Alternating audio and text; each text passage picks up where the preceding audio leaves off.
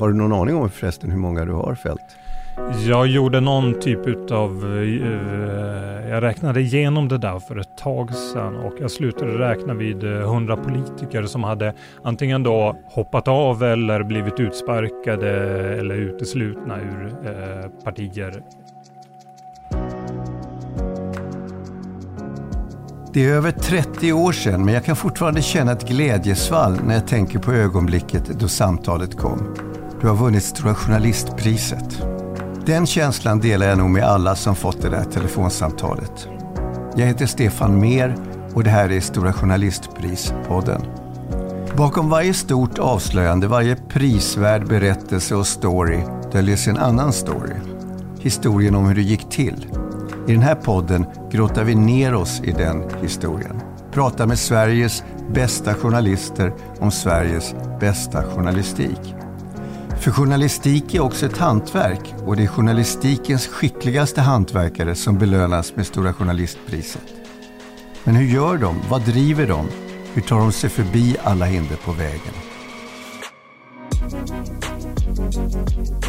David Bas är legendarisk grävande reporter på Expressen. Oförtrutet har han bevakat nazister och extremister och sverigedemokrater i över ett decennium. Otaliga avslöjanden har också belönat honom med bland annat tre nomineringar till Stora Journalistpriset. 2018 vann han priset som Årets röst. Att stå öga mot öga med David Bas, korrekt klädd i slips och med getinggul mikrofon i handen är vad Sverigedemokraterna med bävan kallar att bli basad. Då är det han som ställer frågorna. Men här i Stora Journalistprispodden är det tvärtom. Välkommen David Bas. Tack. Du var bara 26 år när du fick din första journalistiska utmärkelse, en guldkratta för okonventionella metoder. Vad gjorde du?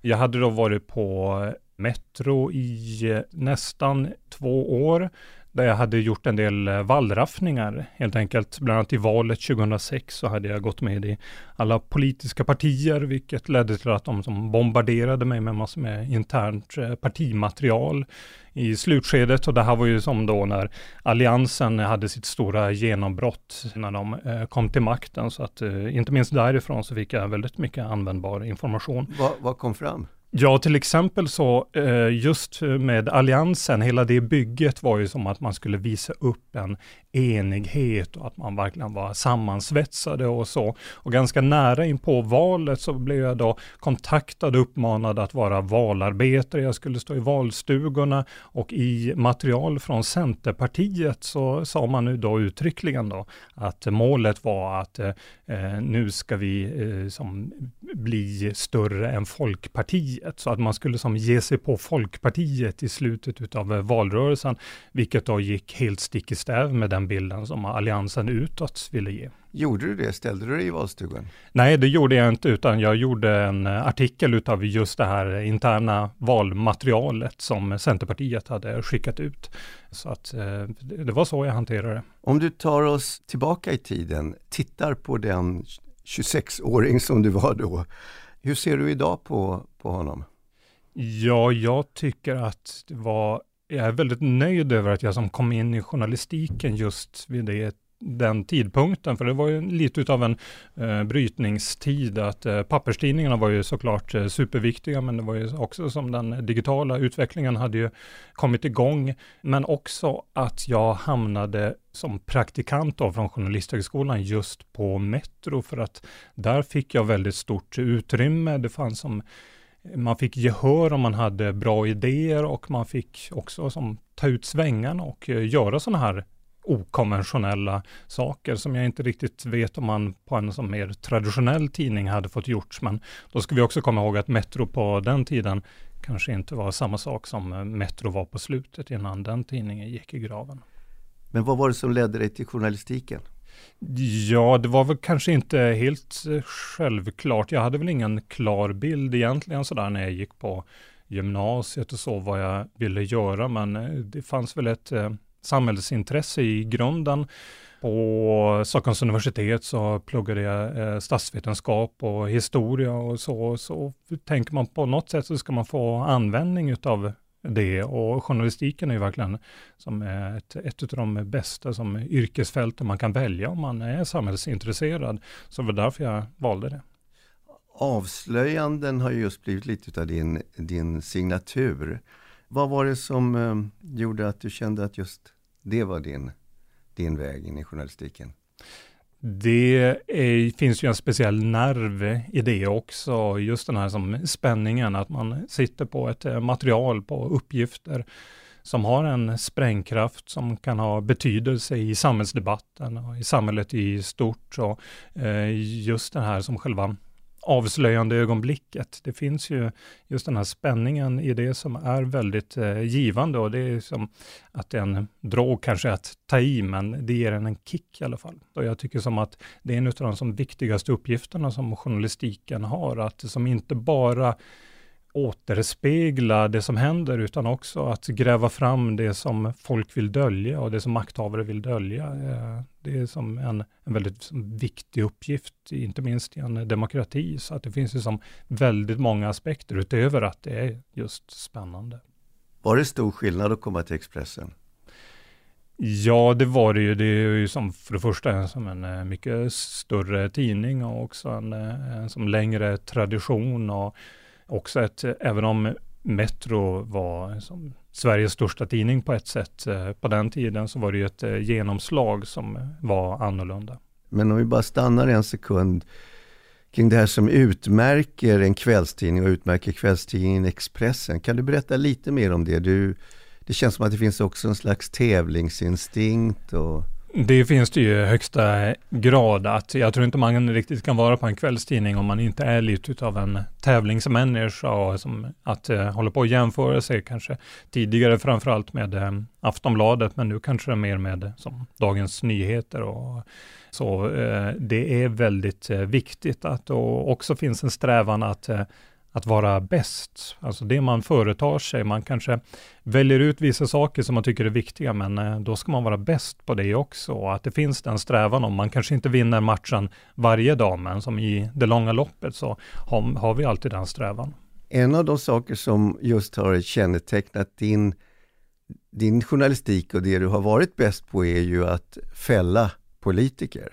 Har du någon aning om förresten hur många du har fällt? Jag gjorde någon typ av, uh, jag räknade igenom det där för ett tag sedan och jag slutade räkna vid hundra uh, politiker som hade antingen då Oj. hoppat av eller blivit utsparkade eller uteslutna ur uh, partier efter mina granskningar.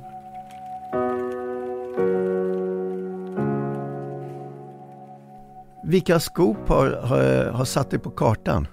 Ja, järnrörsskandalen tror jag att de allra flesta känner till och nu, även fast det har gått eh, eh vad blir det, näst åtta och ett halvt år sedan vi avslöjade det, så tror jag att man kan eh, gå ut här på stan och fråga nästan vem som helst vad järnrörsskandalen är och de har ett hyfsat hum om det. Så att det har ju som verkligen blivit eh, som emblematiskt i någon som politikavslöjande genren. Eh, så att det är ju som väldigt eh, stolt över. Så på så sätt så är väl det som det, det tydligaste avslöjandet. Mm. Alltså vi vill inte göra någonting. Vi försvarar oss, vi försvarar oss. Här beväpnar sig Sverigedemokraternas partitopp med järnrör för att ge sig på en kraftigt berusad man.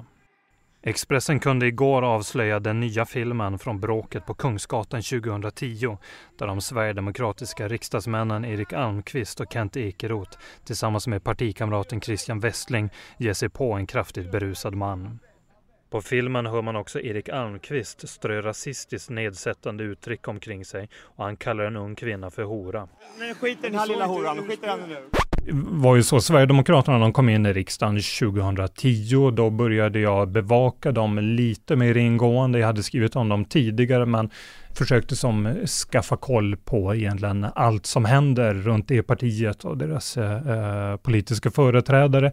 Då började jag efter ett tag få höra talas om att eh, där i valrörelsen när de kom in i riksdagen så hade det varit uppmärksamhet när då komikern Soran Ismail hade lagt upp lite så här SD-kritiska YouTube-filmer, varav en var eh, några korta sekvenser på Erik Almqvist, eh, då SD-riksdagsledamot, och Kent Ekeroth också, SD-riksdagsledamot, när de var ute på stan och man kunde se eh, Erik Almqvist som eh, måtta en spark i, i luften mot en eh, person.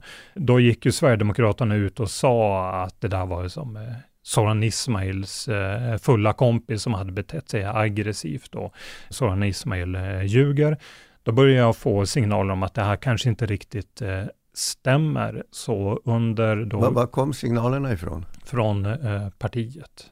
Inifrån partiet, de helt enkelt läckte till dig? Ja, alltså, det kan man väl kalla det. Men eh, under 2012 så fick vi del av ett material som helt enkelt var Kent Ekerots mobilfilm från det hela. För att där i valrörelsen 2010 så hade ju partiet svarat Soran Ismail genom att lägga ut sin egen film och det visade ju sig då vara en väldigt eh, man säga, med kirurgisk precision så hade de valt ut eh, delar då för att som, styrka deras eh, eh, berättelse om att det var då de som hade blivit angripna av dem. så att vi hade ju de uppgifterna, det materialet. Vi hade ju också fått en erfarenhet av att Sverigedemokraterna kanske inte alltid säger sanningen när de uttalar sig i medierna, så att vi ville ju pröva det. Ehm, så att då ställde jag frågor till Erik Almqvist, där jag inte hintade om att vi satt på som Kent Ekeroths filmmaterial. Det är flera som säger att du har uttryckt dig rasistiskt. Ja, men det stämmer absolut inte. Du ska ha sagt blatteälskare och babbe. Det har jag absolut inte gjort. Dels för att jag inte är som människa som säger sådana saker och tänker inte på det sättet. Dessutom så tror jag att det säger sig självt att man som pressekreterare inte går och säger sånt där. Mot, eh, med dessutom offentliga personer omkring sig, det är ju uppenbart. Så att vi publicerade den eh, första artikeln, handlar ju bara om vittnesmålen och att eh, Kent Ekeroth eller Erik Almqvist eh, förnekade det. Sen så följde ju då SD-topparna som ett eh, pärlband där de som gick ut och sa att Expressen eh, hittar på och ljuger och, och sånt. Och då kunde vi dagen därpå börja publicera eh, Kent Ekeroths eh, mobilfilm som visade då inte bara vad de hade gjort utan också att Erik Almqvist inför vår kamera och att eh, flera SD-toppar i sociala medier hade då farit med osanning om den där järnrörsnatten. Så att det blev ju som en publicering som gick som, ett, eh, som en bombmatta över flera dagar. Mitt syfte är inte att förstöra Sverige och förstöra mitt land, men det är era rätt. Mitt syfte så beter du dig som en babbe just nu och du har ingenting här att göra, men det är mitt land. Men, så, ja, men skit i den här lilla horan, skit i henne nu. Kom så går vi. Nu går vi. Han kallar inte dig. Du kallade precis mig för Så hur kom du över hela filmen? Ja, det kan jag inte säga. Inte ens så här 11 år senare? Nej. Hur, hur vanligt är det att, eh, att den typen av läckor, eh, att du får tips på det viset? Det är ju eh, väldigt vanligt. Just så här när man ska, då ska avslöja saker som har hänt på insidan så är det nästan helt beroende av att det är någon som då känner till det, som kanske har ett material eller som vet vad det finns eller så, som kan hjälpa en att, att eh, komma över det. Så att det är som läckor av olika typer, det är som centralt. Men hur kollar du sanningshalten i de där läckorna? Ja, alltså det beror ju på vilken typ av uppgifter det är. Men man får ju alltid som vara beredd på att det kan vara kanske som inte påhittade uppgifter, men att eh, det man serveras eller det man får ta del utav kanske bara en, en bit utav sanningen. Så att eh, då handlar det om att man måste ha en väldigt djup kunskap, man måste som kunna se den bredare bilden, sätta in det i ett sammanhang, också hela tiden vara som källkritisk mot sitt eh, material och som vara sin egen djävulens advokat och ständigt fråga, kan det inte vara på ett annat sätt? Kan det inte finnas någon rimlig förklaring till att det ser ut så här? Kan det inte ha hänt någonting före eller efter som förklarar att, eh, att det här har hänt eller att någon person har sagt eh, på ett visst sätt? Men det vi talar om är ju väldigt ogenomträngliga miljöer för en, för en journalist. Ja, i alla fall eh, som man, man möts av ett motstånd. Ogenomträngliga kanske de inte är, men man möts av ett motstånd och det kan man ju också tycka är lite av tjusningen också, att det inte är alltid så lätt och att det kanske inte är öppna famnen och att de rullar ut en röd matta för en alla gånger, utan att man får kämpa lite och som tänka i som flera led för att Vad komma ger den där tjusningen? Men det är just eh, det att det är en utmaning och att jag också kan sådär tycka att det är lite roligt så här, när jag tar del av alltså, den interna debatten efter ett avslöjande när man som försöker spekulera varifrån uppgifterna kommer och jag som bara ser att de har ju helt fel. Eh, just för att de aldrig skulle kunna tänka sig att den eller den eller den skulle kunna på något sätt eh, ha kontakt med mig. Vår tes mycket med den här podden är ju just det att journalistik är ett hantverk. Och det känns som att det du håller på med är väldigt mycket medvetna metoder för till exempel avslöjande. Så är det ju. Jag, jag brukar ibland säga att det är som den viktigaste artikeln som jag har skrivit när det gäller bevakning av Sverigedemokraterna är inte järnrörsskandalen, utan det är en eh, annan artikel som jag skrev eh, hösten 2010 som hamnade hyfsat långt bak i papperstidningen på en eh, enkel sida och så.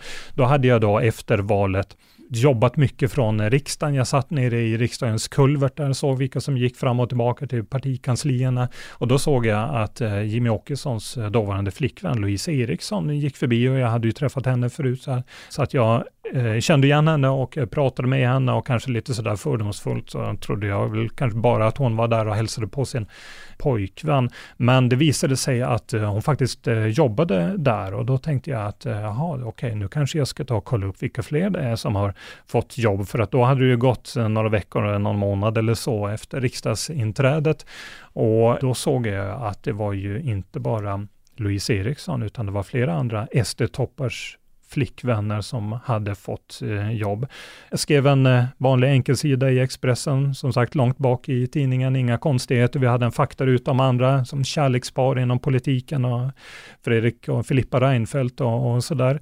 Så på det stora hela så väckte väl den inte så jättemycket uppmärksamhet, men internt i partiet så blev det ett otroligt ramaskri och för en gångs skull så riktades inte som de negativa känslorna mot mig, utan mot partitopparna. För då ska man ju också komma ihåg varifrån partiet kommer, att de hade ju som bildats 1988 och kämpat jättelänge för att komma in i riksdagen, personer som har varit engagerade hur länge som helst, som har sådär fått eh, bidra ekonomiskt och som ägnar sin fritid, men kanske också blivit utsatta för våld, fått sparken, eh, blivit av med eh, vänner, familjemedlemmar som har sagt upp bekantskapen, som väldigt många vedermödor, men ändå som personer som har varit lojala mot partiet och tänkt att en dag när vi kommer in i riksdagen, då ska vi bli som ett vanligt parti, ett professionellt parti och jag som en gammal trotjänare kanske då kan få ett av de här jobben i riksdagen. Och så kommer de in i riksdagen och vilka är det då som får jobben direkt? Jo, det är partitopparnas flickvänner. Så att eh, det ledde till en sån ilska som också gjorde att folk började höra av sig till mig och inte minst just sådana här personer som har varit med jättelänge i partiet som har koll på, hade koll på eh, allt och alla, hörde av sig. Så, Så vad lärde dig den erfarenheten? Det, det lärde mig, det kanske låter lite banalt, men just det här att man som ska ha koll på den interna partikulturen, för att den där artikeln, det var ju som en dussinartikel eh, egentligen, men eh, med tanke på då Sverigedemokraternas historia och allt de har varit med om, så var den verkligen som sprängstoff internt. Eh, så på så sätt så blir den jätteviktig för mig. Du, eh, eh jobbar ju med, med extrema miljöer ofta. Vi, vi, vilka, vilka ingår i ditt bevakningsområde? Vilka typer av extre, extrema rörelser är det? Det har ju blivit väldigt mycket av vad man kan kalla som den nationella rörelsen och det är ju då inte minst eh, nazister som ingår där, men man skulle också som en vidare definition kunna eh, sätta Sverigedemokraterna inom den. Det är som egentligen alla grupper, partier och organisationer som, eh, som bekänner sig till eh, en eh, nationalismen. Men eh, vi bevakar ju också andra som politiska eh, schatteringar som vänsterextremister och eh, också mm, våldsbejakande islamister och så. Jag har ju gjort eh, sådana granskningar också. Men vad du berättar om handlar ju mycket om att ha kontakter i den här världen. Hur bygger du upp kontakterna? Hur bygger du upp näten?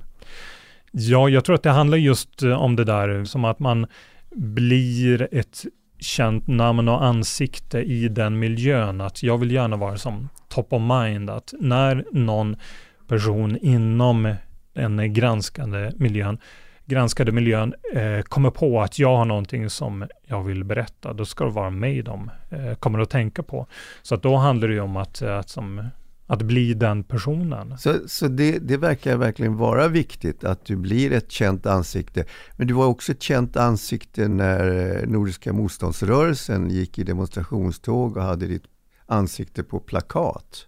Alltså de, eh, det var ju där i Göteborg och eh, jag har ju varit på väldigt många nazistdemonstrationer och bevakat dem och är ett eh, väldigt känt namn och ansikte där och de hade ju ramsor som eh, handlade om mig och eh, det är en speciell situation när det är ungefär 600 nazister som står och skriker ens namn.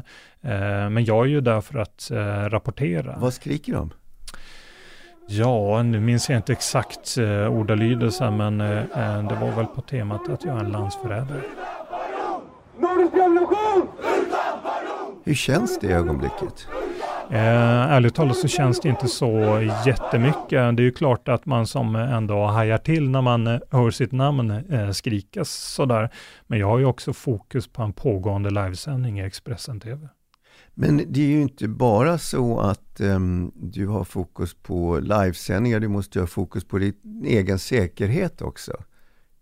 Ja, så, så är det men det, det där är ju också en eh, vanesak. Det var ju varken den första eller sista nazistdemonstrationen som jag gick på eh, vid det tillfället. Och det är någonting som man, eh, som man lär sig hur man ska bete sig och var man ska befinna sig och så. Berätta mer om det, hur gör du? Jag brukar oftast, ja, här, när det är planerade eh, stora demonstrationer så finns det ju eh, ett eh, polistillstånd och sådär en utpekad marschrutt. Eh, jag brukar dyka upp väldigt tidigt, prata med poliserna och insatschefen, se till så att man får vara innanför polisavspärrningarna. Sen så brukar jag också ha ett, eh, eh förklara för polisen att det vore bra för alla inblandade om jag fick eh, gå först i nazisttåget när nazisterna kommer marscherande så först så kommer jag, sen så kommer deras sköldbärare, sen så kommer NMRs ledning. Det, det där låter väldigt komiskt. Du går liksom först i nazisttåget. Ja, och det är både för att jag vill kunna bevaka dem på, på bästa sätt, men det är också en eh, säkerhetsaspekt eh, på det hela. För att när det är så att och det händer ju ganska ofta att eh, det slängs saker eller att det görs som utfall mot tåget eller från tåget mot, eh, mot demonstranter så brukar ju polisen göra så att de för det första som trycker bort eh, publiken och motdemonstranter. Så därför är det viktigt att vara innanför polisavspärrningarna. Om det börjar flyga saker, vilket det också ganska ofta gör, eller det slängs sådana här bangers, då vill man ju inte vara där de här föremålen landar. Och eftersom att polisen då oftast har spärrat av vägen där nazisterna ska marschera, så rakt framåt så finns det ofta som en tom yta som man kan springa fram på. Så att på så sätt så kan man väldigt enkelt och snabbt ta sig därifrån samtidigt som man fortsätter ha överblick över vad det är som händer. Är du, hur rädd är du ofta? Eh, jag tror att det där också är en eh, vanesak. Jag kan inte säga att jag har varit rädd på mitt jobb vid något tillfälle. Men du har ju en familj tänker du inte på deras säkerhet i sådana här situationer? Det är klart att man tänker på eh, sin familj, men det är också, jag har hållit på med det här så himla länge och jag tror som att det viktigaste säkerhetsarbetet, det gör man innan något händer.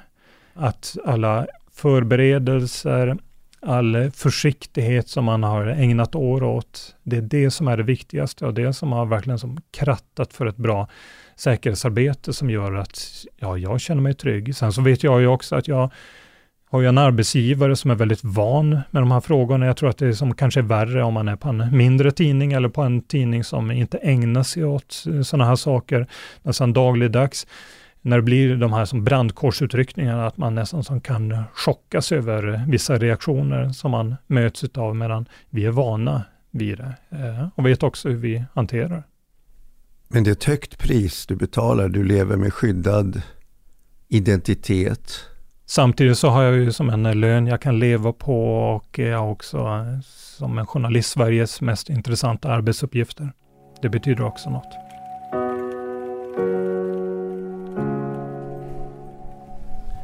Heter Christian Holmén. Jag är grävchef på Expressen. Jag är Davids redaktör. Men vi har ju jobbat ihop nu i snart 15 år. Det är flera saker som utmärker David Bas som reporter.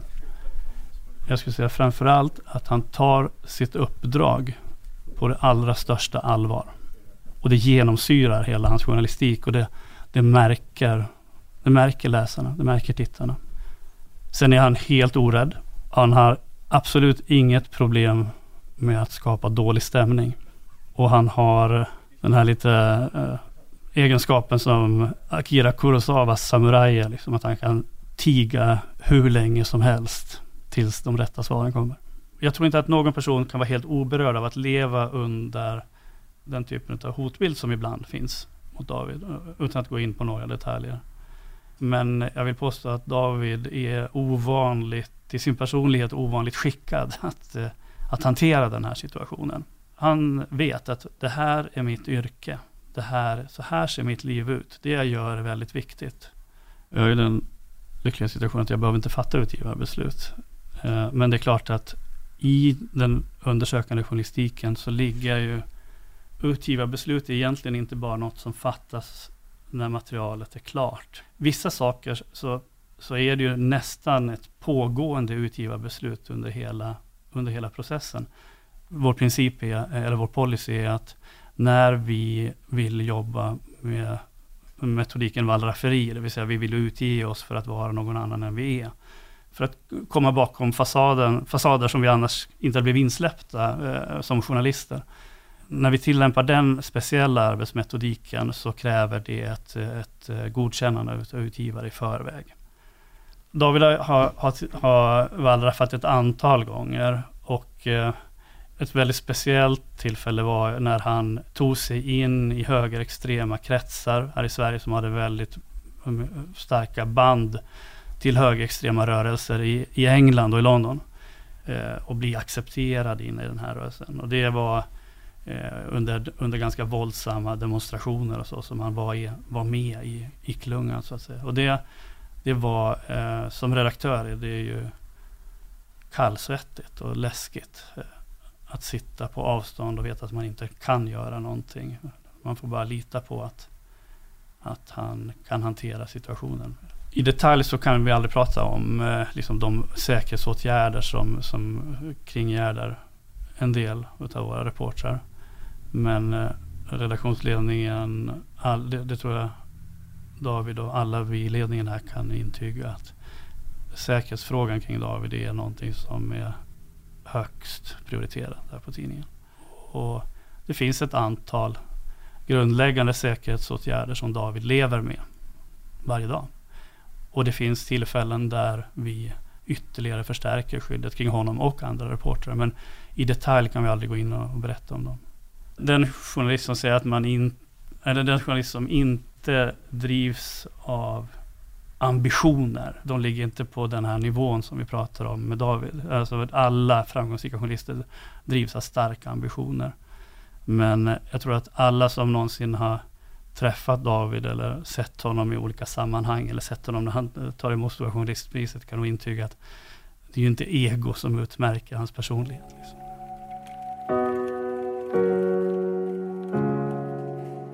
den där mikrofonen med getingen och den där lilla gula knoppen på, den har ju också blivit eh, en, också en del av din signatur eller signal när du basar, som man säger, att bli basad. Du står där framför dörren eller konfronterar eh, någon med, med ta, ta, med oss till en sån situation, för det ägnar du dig väldigt mycket åt. Ja, alltså det där är ju eh, konfrontationsintervjuer och på ett sätt så kan jag tycka att det nästan är lite beklämmande att man måste ägna sig åt det eh, i så stor utsträckning för att många av de här tillfällena handlar ju om riksdagsledamöter lagstiftare alltså, som man tycker borde ställa upp på intervjuer. Berätta just om det ögonblicket. Du har parkerat utanför någons dörr. Ja, det alltså, vanligaste är kanske som ett eh, utskottsmöte i eh, riksdagen. Det som eh, vet att en politiker ska vara. De här mötena de kan ju som pågå i 20 minuter eller i två timmar så att man får ju eh, vara där och eh, vänta in dem och så öppnas dörren och så kommer personen som man vill intervjua ut. Så man går fram och eh, förklarar sitt ärende och eh, ställa frågor. Alltså det är ju inte direkt en, man, man frågar ju inte, får jag ställa några frågor, utan att eh, eh man börjar ställa frågorna direkt. Det kan ju också vara så, och det är ju också lite märkligt med tanke på att det handlar om lagstiftare, att det finns de som faktiskt lägger benen på ryggen och börjar som springa ifrån intervjusituationer i Sveriges riksdag. Och då snackar vi sådär i så här, de här korridorerna. Upp jagar du dem efteråt då eller? Jag jagar och jagar, jag, jag går, går ju efter. Mitt mål är att eh, ställa frågorna. Eh, så att eh, det tänker jag göra. Eh, så att vissa personer har jag promenerat i väldigt hög hastighet ända från ett utskottsmöte fram till då eh, den låsta dörren till partikansliet. Kan du ge något exempel? Hade i höstas en granskning utav en eh, SD-tjänsteman eh, på riksdagskansliet eh, som också var kommunpolitiker och regionpolitiker som hade skrivit i en chatt med en partikamrat väldigt uppskattande om nazism. Jag har lite frågor till dig angående en chatt som du har haft med en partikamrat till dig. Jag hade faktiskt inga kommentarer. I den här chatten så använder Nej. du nazistiska hälsningsfraser som Hellseger. Mm. Det är då en svensk översättning till Sieg Heil. Varför använder du nazistiska hälsningsfraser? Jag vet inte, det är väl en, en extremt privat kontext så att jag vet faktiskt inte exakt uh, vad det rör sig om. Det, ser, det känns som en rätt komisk scen när de stegar på och du efter. Ja, och jag förstår inte riktigt varför de eh, bjuder på, på det. För att min inställning är att frågorna ska ställas. Antingen så gör vi det i lugn och ro ståendes här eller så eh, gör vi det gåendes. Från Ryssland. Då skriver du, vi vet båda vilken ras som är överst. Arier, slaver. Dennis, istället för att springa iväg, varför svarar du inte? Dennis? Du har varit nominerad tre gånger till Stora Journalistpriset och två av dem gick du hem tomhänt. Minns du hur det var den tredje gången? Ja, det är väl lite klyschigt att säga tredje gången gilt. Eh, så, men att eh, förlora, det är ju klart att det är nesligt. Och så här, varje gång så känner man att det här är min stora chans. Den här chansen kommer aldrig åter, men sen så kom den ju åter, men då förlorade vi igen. Så det är klart att det var väldigt roligt att till slut vinna. Kommer du ihåg hur det gick till när du fick reda på att du hade blivit nominerad till Årets röst? Ja, det var väl du som ringde upp som vanligt. det stämmer. Men jag kommer ihåg att jag gjorde dig besviken och sa att du blev inte nominerad till Årets avslöjande. Nej, just det. Det är väl eh, den eh, kategorin det som eh, oftast, ja, Årets röst var väl hyfsat ny som kategori också. De tidigare gångerna så har du varit i Årets avslöjande. Så, så att, men jag tyckte ju att det var lite konstigt att du ringer upp och berättar att man inte har blivit nominerad, så att jag anade väl att det kanske var något annat. Och så blev du väldigt glad när du fick veta att du hade blivit årets röst. Ja, en sista fråga förresten. Vad gjorde du med pengarna? Jag åkte till Uzbekistan på semesterresa. Underbart semestermål. Tack för att du kom. Tack. Vinnare av Stora Journalistpriset 2018 i kategorin Årets röst är David Bas.